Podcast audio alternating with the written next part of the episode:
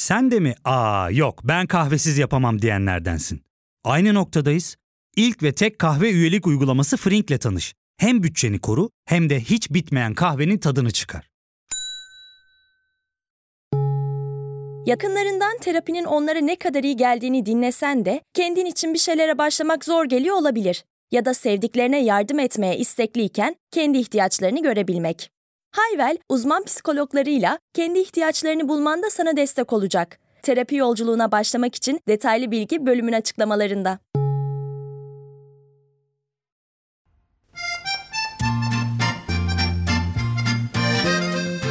Efendim Yalın Alpay ve Gürman Timuran ile Durumların yeni bölümüne hoş geldiniz. Bir süredir Yalın'ın sesini duymuyordum. Çok özlemiştim kendisini. O yüzden Yalın hoş geldin diye hasretle böyle. Hoş bulduk dostum. Nasılsın? Vallahi gayet iyiyim, bomba gibiyim. Sen de iyisin umarım. İyiyim. Senin sesini duymayı yemin ederim ben de çok özledim. Gerçi biz seninle bu ara sık konuşuyor sayılırız yani. Ama yine de özlüyorum dostum. Ya ama konuştukça daha çok konuşasım geliyor. Dolayısıyla Hakikaten böyle öyle, evet. aradaki fasılalar normalde olduğundan daha uzun gelmeye başladı. Yaşa. Şimdi şunu yapmamız lazım. Çünkü sürekli yer değiştiren insanlar olduğumuz için ilk önce takipçilerimiz de takip edebilsinler diye teyit alalım. Ben İstanbul'dayım sen neredesin? Bodrum'dayım. Gene yakalayamadık. Ama bu olacak. Bu gerçekleşecek. Ya ya olacak. Ya geçen gün daha önceki bölümlerin ham kayıtlarını dinlerken özellikle kitaplar ve metin üzerinde yaptığımız konuşmalar ve metne verdiğimiz önem üzerine düşünürken aklıma şey geldi. Benim küçükken inanılmaz bir çizgi roman koleksiyonum vardı. Aha. İlkokulda bizim öğretmenimiz Filiz Talipoğlu çok kıymetli bir insandı. Öğretmenimiz de bize derdi ki hep gelişim açısından uzun metin okumanız lazım. Mümkünse çizgi romandan vazgeçin. Ve çizgi roman benim için bir günah oldu. Ama nasıl çekici bir günah. Bayılıyorum çizgi roman. Gizli gizli okuyorum falan. Hani hem klasikleri okurum. Red Kit hala mesela çok canım sıkıldığında gider bir Red Kit okurum. Çok keyfim yerine gelir. işte Asterix, Tenten, işte Zagor, Tom Mix, Texas, Supermanler, Batmanler, Kızıl Maskeler, Phantom. Oo, bütün seri. Bütün seri, Conan'lar hepsini alıyorum böyle. O zamanlar özellikle şey vardı. Mega seri vardı hatırlar mısın bilmiyorum. Böyle 5-6 tane bölümden oluşan bir kalın bir Tabii kitap tabii hatırlıyorum. Hatırlıyorum evet. Ve yıllarca ben bunları biriktirdim. Yıllarca. Tay kitap, lal kitap. Evet aynen öyle. Tay kitap şey Yüzbaşı Volkan. Tay kitaptandı. Uzay Şövalyesi Rom. Aa Rom'u hatırladım. Rom çok acıklı bir hikayeye sahip. Çünkü o daha nadir okunan bir çizgi romanda. Hatırladım ama evet. Çok acıklı, çok duygusal bir hikayesi vardır. Rom çok iyi bir çizgi roman. Evet, gezegenlerini korumak için robotlaştırılmış bazı yaşam formlarının çektiği varoluşsal acılar. Evet aynen böyle çok güzel ifade ettin. Yani uzayda dolaşan elindeki muhteşem bir silahla diğer gezegenleri işgal etmeye çalışan yaratıkları cezalandıran muhteşem bir adamın sürekli o insanlığını kaybetmesi nedeniyle yaşadığı varoluşsal sancılar ve fedakarlıkları karşısında yani bütün varoluşunu buna adamış. Fedakarlıkları karşısında bir türlü ulaşamadığı işte sevgi falan gibi duygular. Çok özel bir kitaptı. Hakikaten okurken hüzünlendiren bir tarafı vardı. Neyse ben bunları abi yıllarca biriktirdim. Yani ben muhtemelen ilkokuldan hemen önce başlamışımdır okumaya çizgi romanları. İlkokul o zamanlar 5 yılda 4 artı 4 artı 4 sistemi yoktu. 5. sınıf bitti hazırlığa geldik ve biz taşınmamız gerekti evden. Yeni eve taşınacağız. Eve taşındık. Ben işte kitaplarımı arıyorum. Yok. Bütün o yıllarca biriktirdiğim kitaplar yok. Ya bir koca kütüphane. Şimdi ben dedim ki ya nasıl üzülüyorum. Yani nasıl kalbim acıyor. Hala bak anlatırken üzülüyorum. Yani gerçekten travmatize oldum bundan tamam mı? ben de anneme söyledim ve ağlıyorum falan. Annem de dedi ki oğlum dedi taşınmada böyle şeyler olur. Bazen böyle oluyor. Ya ben şirkette konuşurum ederim vesaire. Bakalım bulursak buluruz. Bulamazsak da ne yapalım? Ya işte ben de çok üzüldüm. Bu arada annem de kitaplara çok düşkün bir insandır. Kendi kütüphanesi vardır falan. Ben de bu hikayeyi böyle biliyorum. Yıllar geçti. Bir gün konuşuyoruz annemle. Yalın. Ya Gürman dedi ben söylemedim sana o zaman çok üzüldüğün için ama dedi. Ben onların hepsini verdim bilerek dedi. ya dedim anne niye yaptın bunu? Ya bu arada üniversiteyi falan bitirmiş. Ondan sonra anneciğim dedim niye yaptın bunu? Ya dedi işte o zaman öğretmenin böyle söylüyordu şey yapıyordu sen bu işe çok girmiştin. Ondan sonra birazcık seni daha uzun metinler okuyabilmen için e, biraz böyle bir yoksunluk yaşamanı olduğunu düşündüm. Bir de evde çok yer kaplıyorlardı Zagorlar. Kızıl maskeler dedi. ya anne dedim ya. Şimdi geçen gün Murat Menteş'in işte çizgi romanı senin de son sözünü yazdı. Nihan aldı. Elime geldi. Çok güzel yani her şeyle dört dörtlük bir çalışma. Herkese de tavsiye ediyorum buradan. Çizgi romanların metinlerden diğer bizim alıştığımız metinlerden bir farkı var. Çizgi romanlar aynı zamanda görsel dünyayı da karşımıza koyarak hayal gücümüzü esasında bütün yönleriyle daha çok kapsıyorlar. Çizgi romanlar bir anlatı için çok özel bir form. Alışıldığının aksine bizi yazarın ya da o çizgi roman üreticisinin kafasındaki hayal dünyasına davet ediyor ve bizi o metinle aynı yazarın düşündüğü ya da ifade etmek istediği biçimde buluşmaya yarıyor. Bunun ben iletişim açısından çok önemli olduğunu düşünüyorum. Çünkü çoğu zaman metinler yazarlarından bağımsızlaşıyor. Okuyucu o metinleri kendisi hem hayal gücüyle hem de anladığı haliyle yeniden üretiyor ve kurguluyor. Halbuki çizgi romanlar daha doğrudan, daha gerçeğe orada sanatçının ifade etmek istediği, betimlemek istediği olgu ya da imge neyse ona daha yakın metinler. Bu yüzden daha hakiki metinler gibi geliyor. Sen ne düşünürsün?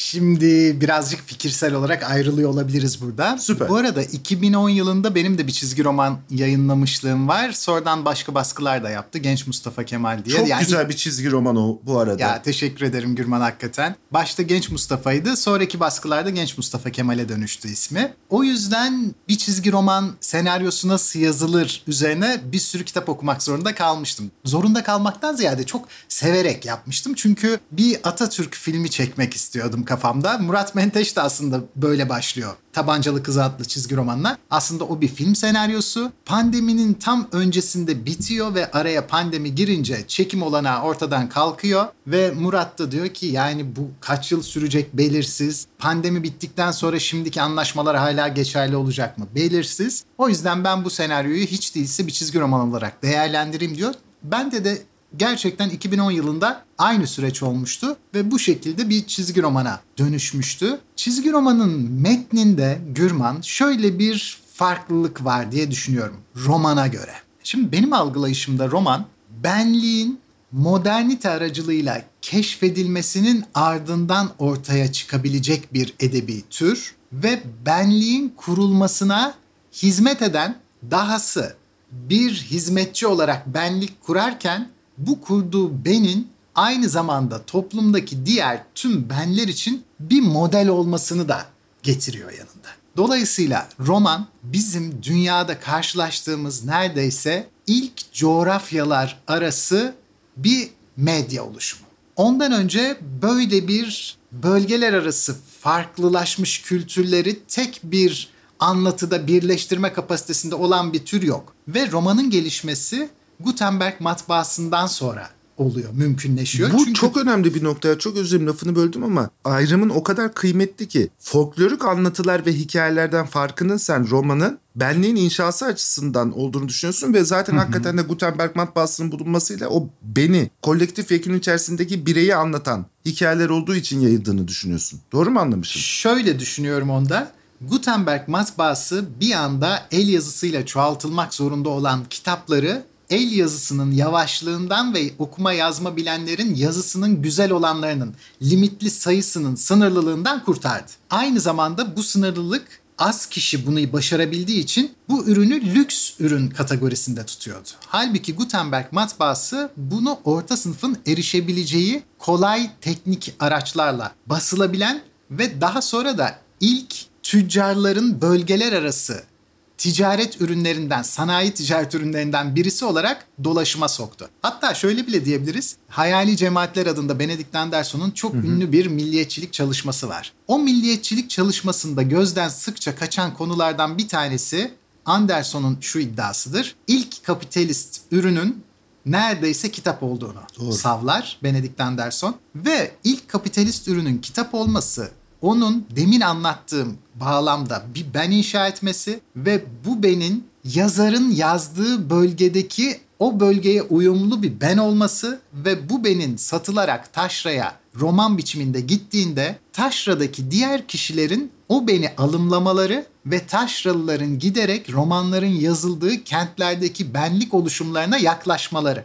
Bu yüzden roman ilk olarak modern bir benlik modelini ortaya koyuyor. Sonra bu modeli kendi bulunduğu kentin içinden o çevresindeki taşraya ihraç ediyor. Bu ihraç edilen alanlarda herkes farklı şekillerde kelimeler kullanıp farklı ağızlar kullanırlarken farklı sözcükler, yerel sözcükler kullanırlarken ve farklı inançlar taşırlarken bu merkezden gelen yazılı anlatı Gutenberg matbaası sayesinde ucuzca dolaşıma girince bu kişiler kendilerini artık kendi yerel dilleriyle değil, gelişkin, çok daha fazla sözcükle hitap eden, kavramları çok daha komplike olan ve bir şehir yaşamı içindeki benliği anlatan kişilerle ve ortamla karşılaşıyorlar ve yavaş yavaş bir merkez tahayyülü oluşturmaya başlıyorlar. Asıl bir merkez var ve bu merkezde insanlar böyle yaşıyorlar. Biz neden böyle yaşamıyoruz? Nasıl aşık olacağını oradan öğreniyor. Flört ederken hangi hediyeler alınacağını oradan öğreniyor. Kamu binasına gidildiğinde ne yapılması gerekir? Partiler,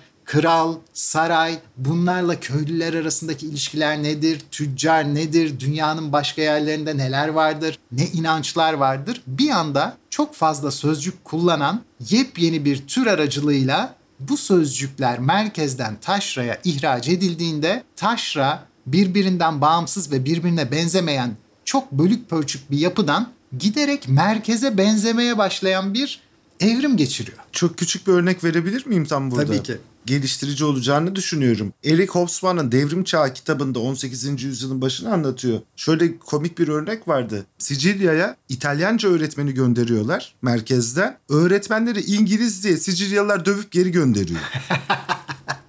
Bu senin anlattığın hikaye hem bir makbul vatandaş üretimi Aynen öyle. hem de esasında senin söylediğin çok önemli bir nokta var. O kitaplar ve benlik algısı üzerinden de merkezileşmeyle birlikte tekelleşme de oluyor. Oradaki otonomi ve çeşitlilik de kayboluyor artık. Standartlar başlıyor. Tabii şüphesiz. Roman merkezin icat ettiği standardı taşranın tamamına yayıyor. Ama asli görevi bu değil. İşlevini söyledik. Şimdi asli görevine geçelim. İşlevi tabii bundan sonra milliyetçilik üretmesi. Yani niye milliyetçilik üretiyor? Çünkü taşraya yaydığı merkez merkezle taşra arasındaki bağları güçlendiriyor. İnsanlar birbirlerini görmeden birbirlerini kardeş olarak algılamaya başlıyorlar. Çünkü dilsel bir birlikleri oluştu. E, kültürel bir benlikleri de oluşmaya başladı. Dolayısıyla kendi aralarında daha önceden var olmayan bir duygudaşlık var olmaya başladı. Bu birleştirici bir unsurdur. Bak bu önemli Gürman. Niye? Roman aracılığıyla kurulan milliyetçilik duygusu dışlayıcı ve ayırt edici olmaktan çok zaten bölük pörçük olan bir alanı birleştirme üzerine kuruludur. Milliyetçilik belli bir coğrafi sınıra geldiğinde ve o coğrafi sınır içinde yaşayan etnik grubun dilsel olarak benzer, dinsel olarak benzer grubun nüfussal açıdan sona ermesiyle doğal sınırlarını çerçeveler ve o zaman dışarıyla ayrımcı olmaya başlar. Yani milliyetçilik başlangıçta küreselleşme aşamasının bir yolcusudur. Bir fazıdır. Evet, sonradan küreselleşme için bir el frenine dönüşür. Başlangıçta atlar aynı tarafa doğru gider. Şimdi diğer konuya geleceğim. Roman bize ilk çıktığında onu yedekleyecek başka bir anlatı henüz bulunmadığından başka bir anlatıyla şunu kastediyorum. Hızlandırılmış fotoğraf kareleriyle sinema veya çizgi roman. Bu ikisi henüz bulunmadığı için roman son derece uzun betimlemeler yapmak zorunda kalır ve dışsal öyküler anlatır. Mesela bir odaya girildiğinde duvarların rengi, yerdeki karoların biçimi, kapıların işte birbirine çarpıp çarpmadığı, kapı kollarının alüminyumken çerçevesinin PVC olması gibi gibi gibi. Pek çok bize ayrıntı verir. Fakat Gürman ne zaman fotoğraf ortaya çıkar, fotoroman ortaya çıkar, sinema ortaya çıkar, çizgi roman gelişir, artık romanın dışsal öğeleri betimlemesi gereksizleşir. O zaman roman kendini gerçekten daha nitelikli bir konumda bulur ve dış dünya yerine iç dünyayı betimlemeye başlar. İç dünyanın betimlenmesi hiçbir resimli öğeye nasip olmayacak bir şeydir. Çünkü içerik insanların içindeki duygu, hissiyat, tahayyül, bellek bunların hiçbirisi öfke, nefret, sevgi, merhamet dışsal olarak birkaç mimikten ve birkaç beden hareketinden daha fazlasıyla temsil edilemezler. Çünkü mimiklerimiz ve beden hareketlerimiz son derece sınırlıdır. Bu yüzden sayısız diyebileceğimiz duyguyu, düşünceyi, tahayyülü çok aşırı sınırlı jest, mimik ve beden hareketleriyle tercüme ederiz. Bu yüzden bu tercümeler niteliksizdir. İç dünyayı anca yeni kavramlarla, yeni cümle biçimleriyle, metaforlarla, belki birbiriyle bağlantısız görünen düşünceleri, duyguları birbiriyle ilişkilendirerek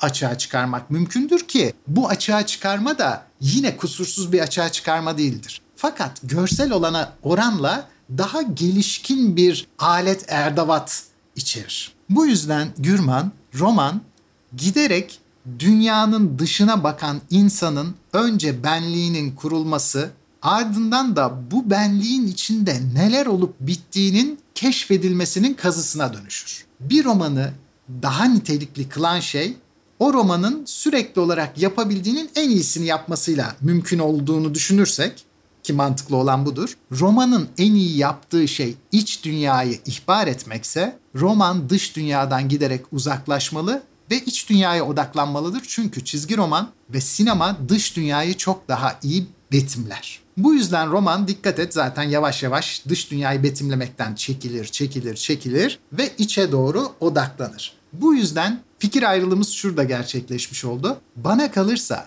bir insanın, bir toplumun, topluluğun, bir duygudaşlığın içten hissedilen versiyonunun, gelecek beklentilerinin, projeksiyonlarının, geçmiş tahayyüllerinin hepsi görsellikle çok sınırlı betimlenebileceğinden bunların anlatı diline yayılmaları gerekir. Bu yüzden roman iç dünyayı ne çizgi romanla ne de sinemayla karşılaştırılamayacak derecede fazla şekilde oyar, altından kaldırır, büyük bir yük yüklenmeye gönüllü olur ve bunu kusurlu olsa da çoğu zaman başarır. Ya fark ettin mi? Biz en çok kahveye para harcıyoruz. Yok abi, bundan sonra günde bir. Aa, sen Frink kullanmıyor musun? Nasıl yani? Yani kahvenden kısmına gerek yok. Frink'e üye olursan aylık sadece 1200 TL'ye istediğin çeşit kahveyi istediğin kadar içebilirsin.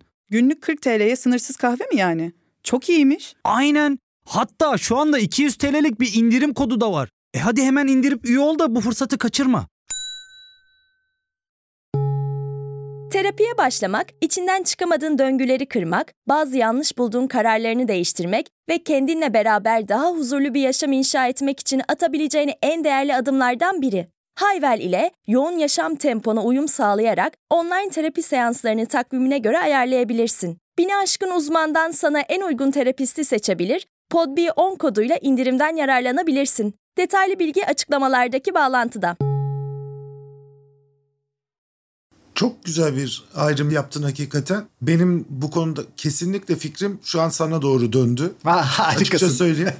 Çünkü böyle doğru. İçsel bir anlatı için çizgi roman, sinema, tiyatro bunlar yetersiz kalabilirler. Çünkü ellerindeki araçlar, alet edevat seti ifade ettiğin gibi roman kadar geniş değil. Roman betimlemeleriyle, imgeleriyle, eldeki kavram setiyle böyle bir görevi üstlenmeye de böyle bir işe girmeye de daha uygun bir format yazar açısından. Bence de. Ama iç dünyayı bir insanın iç dünyasını değil de çünkü bütün romanların konusu bu olmuyor. Bazen bir hikaye üzerinden de bize bir roman belli duyguları ya da kavramları tanıtabiliyor. Kahramanlık gibi. Şüphesiz. Şöyle diyebiliriz bunda yalnız Gürmen. Her türün kendine özgü bazı avantajları ve dezavantajları var. Her tür bu yüzden olabildiğince kendi avantajlı olduğu bölümlerine odaklanıp kendi dezavantajlı bölümlerinden çekilirlerse kendi türleri içinde daha nitelik kazanırlar. Bu yüzden dışsal yazılabilecek romanlara genelde macera romanı deriz. Kişiler kartondur, karakterlerin geçmişleri belirsizdir veya çok tipiktir. Mesela işte bütün hemşireler sarışındır. İşte bütün zengin adamlar şişmandır, ağızlarında pro vardır. Bunlar tipik karakterlerdir, kartondur. Eyleme dayalı olan, eylemi ön planda tutan bir anlatı ruhun içine çok sızamayacağı için zorunlu olarak ruhun içinden bazı tasarruflar yapacaktır. Ve bu yüzden roman kendinin asli güçlü olduğu alanda çarpışmak yerine sinemanın ve çizgi romanın güçlü olduğu alana çıkacak. Bu yüzden de görece olarak daha az itibar gören bir romana dönüşecektir. Daha çok satabilir. Niye? Çünkü bak Gürman şöyle diyebiliriz. Şimdi bir hikayeyi, bir anlatıyı kişiler için çekici kılan şey anlatının içindeki çatışmadır. Fakat çatışma son derece farklı şekillerde kurulabilir bir mekanizmadır. Bu çatışmalar arasında hiyerarşik bir sıralama var mıdır diye sorarsan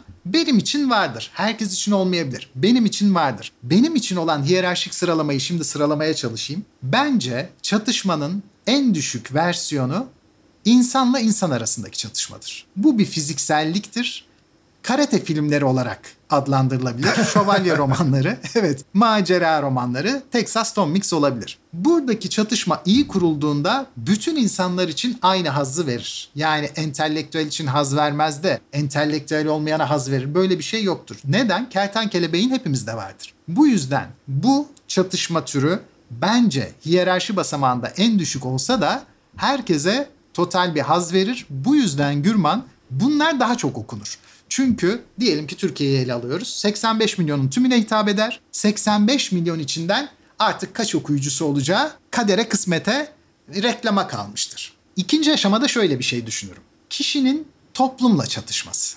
Burada çatışma seviyesi biraz daha yükselmiştir. Artık toplum denilen bir soyutlama vardır ve toplum adını verdiğimiz birçok kişiden oluşan ama gerçekte kendine ait bir varlığı olmayan bu soyutluk karşısında kişi toplumun kendisiyle mücadele etmektedir. Mesela hipotetik söylüyorum yani. Beni işe almazlar çünkü hep torpillileri alıyorlar.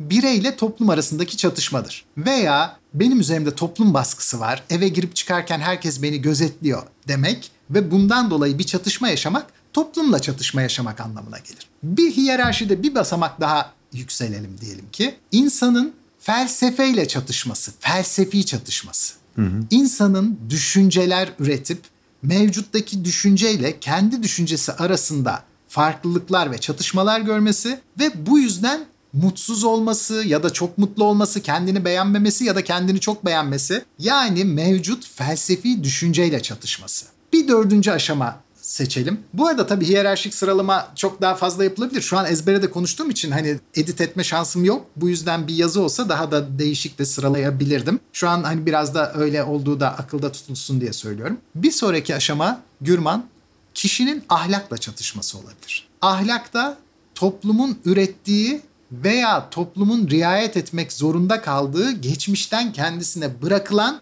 duygu yönetimi ortaya koyulur. Bu duygu yönetimi bireyin kendi duygu yönetimine uygun gelmeyebilir ve kendi duygu yönetiminde ahlaka kendi duygularını uydurup uydurmama konusunda zorluklar yaşayabilir, bununla ilgili çelişkilere düşebilir, iradesi bu yönde olmayabilir ve bunun için çatışmalar yaşar.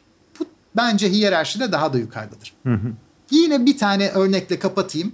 İnsanın Tanrı ile çatışması olabilir. Benim inandığım Tanrı böyle bir Tanrı mıdır? Bu din benim için uygun mudur? Din diye bir şey var mıdır? Varsa bile bu Hristiyanlık mıdır? Budizm midir? Müslümanlık mıdır? İçine doğduğu toplum Hristiyanlıksa Hristiyanlık diniyle çatışma ne şekilde gerçekleşir? Ve onun hayatını nerelerden kırar? Çünkü onun bütün anlam bütünlüğünü, ilişkiler ağını, dünyayı kavrama biçimini hepsini dinamitleyecek şeylerdir. Çünkü inanç sisteminin kendisiyle çatışmaktadır. Halbuki bizler düşünce üretmeden önce, duygu da üretmeden önce bazı şeylere inanç göstererek ona devam ediyoruz. Mesela deneyin bize doğru sonuç vereceği neyle ispatlanabilir? Bilimin kendisinden başka bir şeyle ispatlanamaz. Ama bu şu anlama gelmez. Bilimden başka ispatlama yöntemi yoktur anlamına gelmez. Bu şu anlama gelir. Bu paradigmaya zorunlu olarak bilimin doğru sonuç verdiği ya da deneyin doğru sonuç verdiği düşüncesine inanmaktır. Hatta bak kendini nasıl ihbar eder. Ben bilime inanıyorum. Bu kalıbı çok kullanırız. Ben bilime inanıyorum. Çok yanlış bir kalıp tabii bu. Bence isabetli bir kalıp. Niye biliyor musun? Çünkü burada bile seçtiğimiz felsefenin diğer felsefelerden daha nitelikli mi, daha niteliksiz mi olduğuna dair kesin bir kanıt ortaya koyamadığımız için zorunlu olarak bir inançla hareket etmek zorundayız. Dolayısıyla inancı dışlayan bilim bile bir paradigma olarak önünde sonunda bir inancın ürettiği felsefenin kendi içindeki tutarlılığından ibarettir. Bu yüzden Gürman bu çatışmalar hiyerarşisi içinde bazı anlatılar hepsini kapsar. Bunlara başyapıt deriz. Kişi kişiyle çatışır, kişi toplumla çatışır, kişi ahlakla çatışır, kişi inançlarla çatışır. Muazzamdır yani. Müthiş bir evren. Bazıları son aşamayı eksik bırakır. Bazıları iki aşamayı eksik bırakır. Bazıları üç aşamayı eksik bırakır. Bazıları da sadece macera romanında kalır. Fakat hiyerarşik olarak çatışma nitelikleri arttıkça bunun hitap ettiği kitlenin sayısı azalır. Bu yüzden bu başyapıtlar genellikle çok daha az okuyucu bulurlar. Satın alınabilirler fakat okunamazlar. Çünkü oradan alımlama yapmak için bu çatışmaların her birisi için bir farkındalık, bir hissiyatdaşlık ve dahası bunu hissedebilmek için daha önceki konuşmalarımızda belirttiğim üzere bir gelişkin kelime haznesi dağarcığı gerekir. Bu yüzden Şimdi şöyle bir noktaya geleceğim. Çizgi romanlar benim çocukluğumda da bana çok katkıda bulunmuştu. Özellikle ben de Tenten ve Red Kit'i okuyordum. Çünkü onları Milliyet Gazetesi hafta sonunda gazetenin yanında çok kötü bir baskıyla olsa da hediye ediyordu. Ve o baskıların hepsini topluyordum.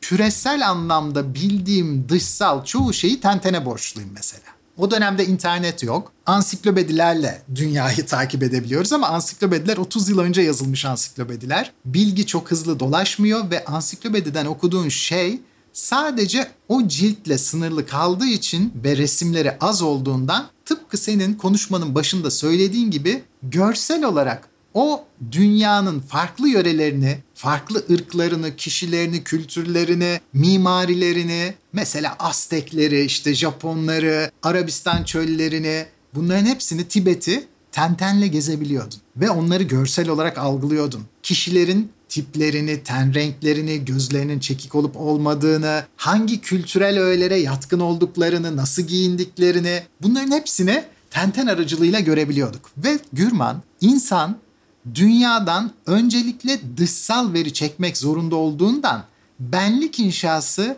insanın doğar doğmaz şak diye yapabileceği bir şey olmadığından insanın önce dıştan veri çekmesi gerekiyor ve dıştan veri çekmek için öyle sanıyorum ki çizgi roman eşsiz bir enstrüman. Çünkü filmlerin aksine ki bugün belki tabii artık teknoloji çok daha geliştiği için bizim yaş grubumuz belki bunun içine doğsaydı burayı asli referans verecekti. Fakat bizim yaş grubumuz böyle bir dönem yerine istediği zaman açıp istediği zaman kapatabildiği film olarak çizgi romanları gördü. Çünkü diğer filmler TRT'de oynarken TRT'nin saatine uyum gösterilmesi gereken, televizyona itaat edilmesi gereken yapımlardı. Halbuki çizgi roman bugünkü dijital platformlar gibi istediğimiz an istediğimiz maceraya istediğimiz yerinden başlayıp istediğimiz yerinde bırakıp sonra dilediğimizde tekrar geri dönme şansını bize veriyordu. Gürman sonra da şöyle bir şey oluyor. Çizgi roman dıştan veri çekmek için yoğun şekilde çocukluğunda kullanılan bir enstrüman olduğunda senin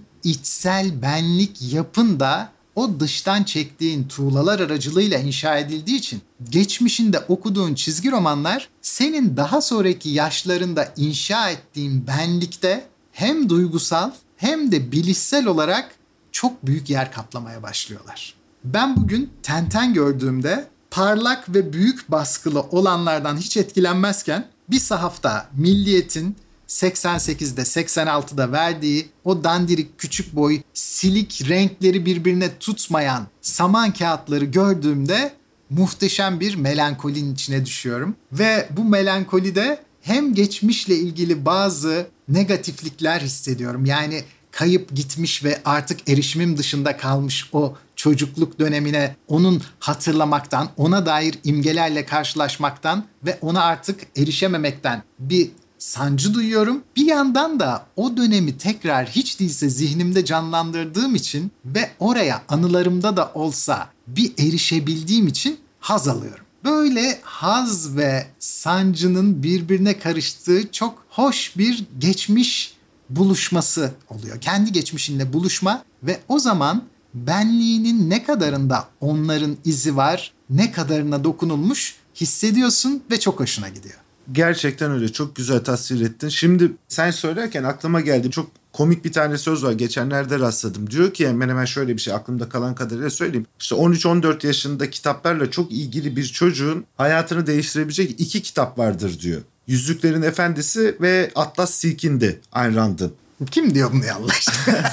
Bak bir dakika dur dur. Sözün devamını dinle Evet. Diyor ki bir tanesinde diyor inanılmayacak düzeyde karton karakterler, süper kahramanlar, süper kahraman gibi tasarımlanmış karton karakterler asla gerçek dünyada bir eşi benzeri olmayan iddialarla ve büyük bir takıntı halinde bir amaca ulaşmaya çalışırlar ve bu insanın gerçek dünyayı algılamasını engeller. Diğer kitapta da orklar var diyor.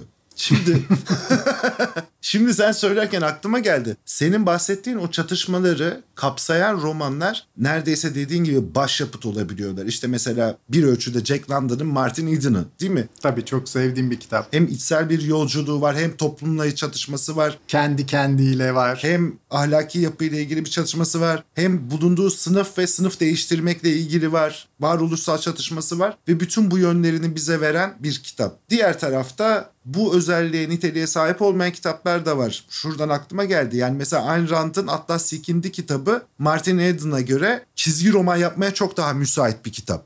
Dan Brown'un kitapları çizgi roman için müsait mesela. Evet çok uygun. Zaten James Bond falan sinemaya uyarlanabilen Evet. bu tip şeyler. Bu konuda senin söylediğin bir şeyle bari seni desteklemiş olayım. Çizgi roman, dışsal dünya ve bu tip çatışmaları anlamak, algılayabilmek için iyi bir format ve bunun devam etmesi lazım. Ama daha yüksek, daha felsefi, insanın içine yönelik veya insanın toplumla duyduğu çatışmaları üzerine daha fazla hemhal olmak, düşünmek için tabii roman okumak gerekiyor. Bunun aksi düşünülemez. Deyip orkoluk mu yapmış oldum şimdi? Neyi? Sen bir tanesin dostum. Himen. Efendim burada o zaman yayınımıza son veriyoruz. Çizgi roman falan da almayı unutmayın. En azından şunu söyle, tavsiye edebilirim. Herhalde Yalın da beni destekler. Çocuklarınıza alabileceğiniz çizgi romanlar çok kıymetli. Gerçekten hem onların hayal dünyasını da güçlendirebilecek, onları yeni durumlarla, yeni daha önce görmedikleri, bugün internetten de ulaşamayacakları başka kültürlerle, başka durumlarla karşı karşıya getirebilecek bir format. Hem de üstelik yüzlerini de güldürür. Siz de eğer keyfiniz geliyorsa çizgi roman almaya devam edin. Romanları da okuyalım. Efendim bölümü beğendiyseniz Twitter'dan Yalın Alpay, Instagram'dan gene Yalin Alpay. Yalin ama Yalın Alpay diye aratsanız da çıkıyor. E, naçizane beni de Instagram'da 42 dakika ve Twitter'da Gürman T diye aratıp takip edebilirsiniz. Lütfen durumları Spotify, Google, Apple'dan takip etmeyi unutmayın. Spotify'da takip ettiğinizde tepedeki zile de basın ki Cuma günleri yeni bölüm yayınlandığında hemencecik çabucak dinleyebilin. Yayında ve yapımda emeği geçen başta Yalın Alpay olmak üzere. Ay estağfurullah başta sen lütfen. Herkese teşekkür ediyorum. Ya hep içimden ne geliyor biliyor musun? Demek ki o kadar çok maruz kalmışız ki buna. TRT'de zamanında şöyle kapanıyordu ya. esen kalın efendim. Evet evet. Hep esen kalın demek istiyorum ya. Peki ben sana bir şey hatırlatacağım. Donsuz geceler. Hatırlıyor musun? Tabii ki hatırlıyorum. bir kere de bunun üstüne konuşalım mı? Bak çok evet, talep evet, gelirse. Harika. Lütfen Instagram'dan mesaj atın. İkimize de talep ediyoruz. Donsuz geceler üstüne konuşmanızı istiyoruz diye. Yeterli zaman mesaj gelirse bunu yapabiliriz diye düşünüyorum. Bak son bir şeyle kapatayım. Yani sen kapat tabii de ben son bir şey ekleyeyim. Bu sabah Martin Mister okudum sabah biliyor musun? Gerçekten mi? Vallahi evet. Çok severim. ben de müthiş. Müthiş Martin kesinlikle. Ya, bu İtalyan çizgi romancıları bu arada hem olay örgüsü derinliği hem karakter bakımından da diğerlerine fark atıyor. Çok becerikliler ya. Çok becerikliler. Martin Mister de evet. çok özellikli bir çizgi romandı. Ve felsefi konular tartıştığı bölümler sıkça oluyor. Bilimsel konuları da gündeme getiriyorlardı. Bir de daha çok insanların konuşmaktan haz aldığı spekülatif konular. Evet aynen öyle. Ay'a çıkıldı mı? Bu sabah okuduğum oydu mesela. Ay'a Öyle çıkıldı mi? mı çıkılmadı mı? Evet. İşte Yeti. Tabii, Ondan doğru. sonra Tibet'in altındaki gizli mağara neydi orası? Astana mıydı neydi? Aynen öyle. Bu tip şeyler evet. Harika bir şey ya. Bak ne kadar güzel çizgi roman okumuşum. Ben de bugün çizgi roman okumak istiyordum. Aklımda vardı. Ben de belki Charlie Brown okurum. Çok güldürüyor Aa, hala şahane. ya şahane bir adamsın gerçekten. Estağfurullah. Hadi görüşmek üzere. Kendine çok, iyi Çok bak. sevgiler. Bay bay. Bay bay. İlk ve tek kahve üyelik uygulaması Frink, 46 ildeki 500'den fazla noktada seni bekliyor. Açıklamadaki kodu girerek sana özel 200 TL'lik indirimden faydalanmayı unutma. Hadi sen de Frink üyeliğini başlat, kahven hiç bitmesin. Hem bugününe hem yarınına katacaklarıyla terapi yolculuğuna ve daha iyi hissetmeye bugün Hayvel ile başla. Açıklamadaki linkten Hayvel'i indir, ücretsiz tanışma görüşmelerinin ardından bütçene uygun seans paketini seç ve terapi yolculuğuna başla.